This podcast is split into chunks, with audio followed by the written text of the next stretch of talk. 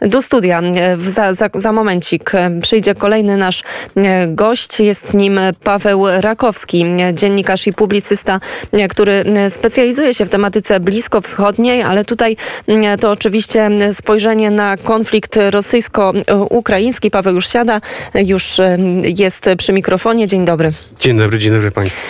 No dobrze, to może jeżeli mówimy o Bliskim Wschodzie i o tym, że zawitał on także do nas, to skomentujmy te doniesienia, które docierają też do redakcji Radia Wnet. Mamy teraz mm, otwarte granice, przyjmujemy uchodźców, osoby, które muszą uciekać z własnych domów z Ukrainy. Dochodzą informacje, jakoby wśród nich znajdowały się także, mm, mogli znajdować się także islamiści, mogą znajdować się też niebezpieczne osoby. Czy można jakoś skomentować to, tę sprawę? To ja od razu wyjaśnię, że na Ukrainie, szczególnie no, w trzech miastach na zachodniej Ukrainie, czyli w Lwowie, Starnopolu i Stanisławowie.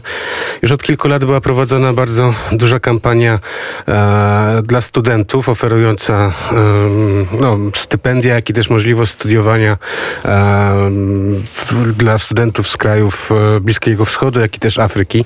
No i to jest całkowicie zrozumiałe, że ci ludzie tak właściwie szukają ewakuacji, no bo znaleźli się w sytuacji dość mocno e, mało komfortowej. To, to ja tutaj całkowicie uspokajam opinię publiczną, że to nie jest fala uchodźcza, ta, która tam nam pod granicą białoruską e, przysiadywała tygodniami, tylko to są tylko większość, tak mówiąc, to są, to są ludzie, którzy byli widoczni już od lat na ulicach Lwowa, Tarnopola, Stanisławowa i e, no tak, no proszę Państwa, świat jest globalny. E, Ukraina też, ukraińskie uczelnie też prowadziły nabór, no bo e, mają te same problemy, co e, w Polsce, czyli, czyli niż demograficzny i tak dalej, i tak dalej. Tak więc, tak więc tutaj akurat to są e, pomówienia mające na celu zdyskredytować e, to, co robimy, e, a robimy coś e, słusznego i coś, co powinniśmy robić i bądźmy, bądźmy, bądźmy z tego dumni. To wszystko jest prawdą. To teraz spojrzenie na Izrael. Dociera do nas, docierają do nas informacje, że ambasada Ukrainy rekrutuje ochotników do walki z siłami rosyjskimi właśnie na terenie Izraela. Czy wiemy o jakiej ilości osób możemy mówić? Kim w ogóle są ci to ludzie? możemy mówić o tysiącach. teraz tak, no tak troszeczkę uporządkowując. Ważne jest to, że Bliski Wschód obserwując ten konflikt, y, który ma miejsce, widzi to, jak, jak skuteczna jest broń e, państw zachodnich, jak skuteczna jest e, taktyka, jak i też to, że e, w konfrontacji bezpośredniej, no, no widzimy, że Ukraińcy sobie doskonale radzą i to tak właściwie ta myśl zachodnia versus myśl wschodnia, tak? Tak więc, tak więc to jest coś, co będzie, daje do myślenia bardzo wielu ludziom na Bliskim Wschodzie, szczególnie jeśli chodzi o kwestie decydentów, jak i też jakichś elit e, organizacji różnych. E, no bo to jednak wyjaśnia też, dlaczego na przykład Izrael ma, mający tak, taką niewielką przestrzeń i tak niewielką ilość ludzi, no jednak sobie daje radę z e, e, różnymi e, wrogami, którzy są z reguły wyposażani przez, przez, przez stronę wschodnią. Natomiast e, jeśli chodzi teraz o kwestię zasadniczą, w Izraelu, w którym mieszka no, ponad milion obywateli, był, znaczy da, dawnych, znaczy no, ludzi, którzy mają rosyjskie, znaczy korzenie z dawnego Związku ZSRR, tak? No bo to nie, mówi się w skrócie Rosjan, ale teraz widzimy, że ten, trzeba będzie inaczej tutaj robić skrót. Po pierwsze, od bodajże od soboty były wielkie fale protestów palące, ludzie po prostu palili paszporty rosyjskie pod ambasadą rosyjską w Tel Awiwie. E, no i też e, zasadnicza kwestia jest teraz taka, że e, no, każdy mężczyzna musi iść do wojska w Izraelu i większość tych mężczyzn tak właściwie przechodzi służbę wojskową, a Rosjanie z reguły w związku z tym, że to jest nowa, nowi imigranci, to akurat przez wojsko się najlepiej integrowali, no i też w te, te wojsko tak właściwie ich no, tworzyło zręby tożsamości. No i są bardzo chwaleni jako żołnierze. Tak więc, tak więc tutaj akurat ta informacja dla kół bardzo dobrze, bardzo dobrze rozumujących rzeczywistość e, taką, jaką ona jest, jest bardzo ważnym komunikatem. To, że Izrael tutaj będzie pomagał i to jest bardzo ważne. Druga rzecz jest taka, że, e, że broń przeciwko, przeciwpancerna już idzie e, z Izraela przez państwa zachodnie i trafi ona do Ukrainy. Czyli, czyli znowu mamy też komunikat komunikat taki, że e, no, e, tam, gdzie się kończy amunicja, prawda, no już chłopaki dziewczyny, prawda, dostaniecie, prawda, e, coś, coś, coś dobrego, żeby kontynuować waszą walkę.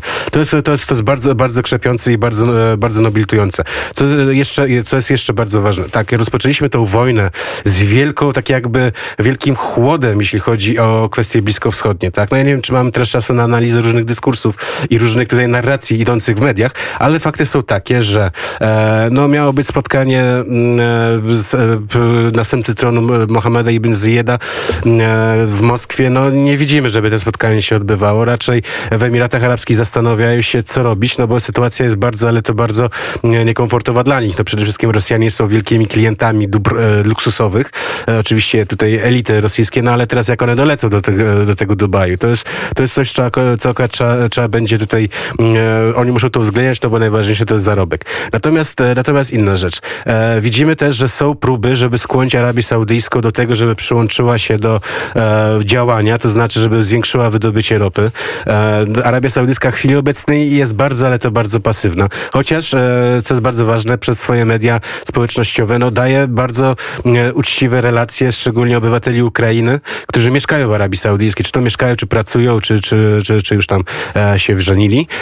I to jest, to jest też bardzo wyraźny sygnał, że no, król rozmyśla tutaj dołączenie do tego. Teraz widzimy, że ONZ nałożył embargo na, na rebeliantów Huti, którzy są powiązani z Iranem, ale też, też, też widzieliśmy, że w ostatnich miesiącach, jak, jak, jak wiele ci Huti wykonali e, roboty dla Rosjan, czy byli pierwsi, którzy uznali e, Donieck i Ługańsk, e, też akurat tutaj te, te bardzo spektakularne ataki na Emiraty Arabskie, które miały miejsce w, w styczniu, też, też, też wiele dały e, do myślenia. Tak więc, tak więc no, ja mogę tu powiedzieć tak, że e, jak jest sytuacja bardzo ciężka i jak i coś powiemy optymistycznego na koniec dnia, to z tej perspektywy no można coś powiedzieć optymistycznego, e, że jednak świat obserwując z dystansu, zupełnie z dystansu e, wydarzenia w Europie, e, no jednak tutaj idzie raczej w kierunku racjonalności i jednak prawidłowego odczytania, gdzie jest barykada i co, i co, i co należy robić. Mhm. To prawda i takie nadzieje, myślę, mamy teraz e, wszyscy. To jeszcze na moment Turcja. Przed chwilą taka informacja. Turcja nie pójdzie na kompromis z żadnymi sojusznikami. Ani nie odwróci się od Rosji, ani od Ukrainy.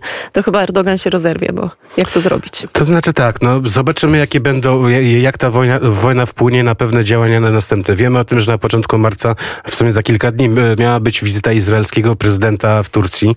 E, to miało być bardzo, ale to bardzo istotne, jeśli chodzi o pewnego rodzaju reset wzajemnych stosunków. No bo też, no bo też widzimy, że e, te barykady, nazwijmy to, wróciły one się trochę przewróciły. To znaczy, jeżeli Izrael już jest e, tam, gdzie był od zawsze, czyli po stronie zachodu, tak Turcja no tutaj dalej, dalej balansuje. Wydaje się, że e, Turcy będą, będą, mają, przypominam, mają ogromny kryzys gospodarczy i prezydent Erdogan no jednak musi myśleć tutaj o sobie, tak? No, Imperium Neoosmańskie, które, które, którymi straszy, który świat był straszony przez ostatnie kilka lat, no, czy pęka w szwach. Tutaj w przyszłym roku będą będą wybory, więc, więc Erdogan musi to wszystko bardzo mocno po, po, e, przemyśleć, e, co jeszcze, co może mu Rosja potencjalnie jeszcze zaszkodzić. No przypominam, kwestia Syrii jest e, nieuregulowana. Ja tutaj jest, powiedziałem optymistyczne rzeczy, ale też, też mogę niestety powiedzieć mocno pesymistyczne, no bo coraz więcej komentatorów zastanawia się, czy Putin no niestety nie wprowadzi tak zwanej opcji syryjskiej w, w, w, na Ukrainie.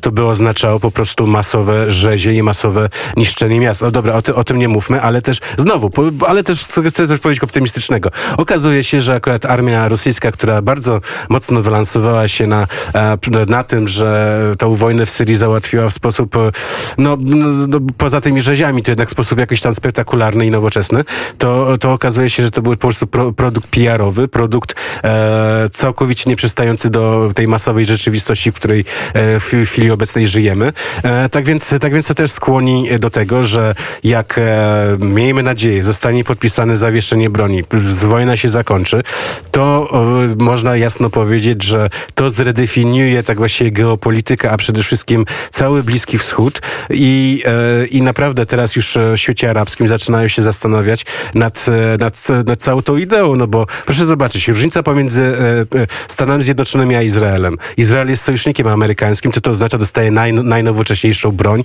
i tą broń testuje i tą, i tą broń realizuje i jest mocarzem. Natomiast e, Rosja, jak i też wcześniej Związek Sowiecki nigdy tak traktował, nigdy tak nie, nie, nie traktował Arabów.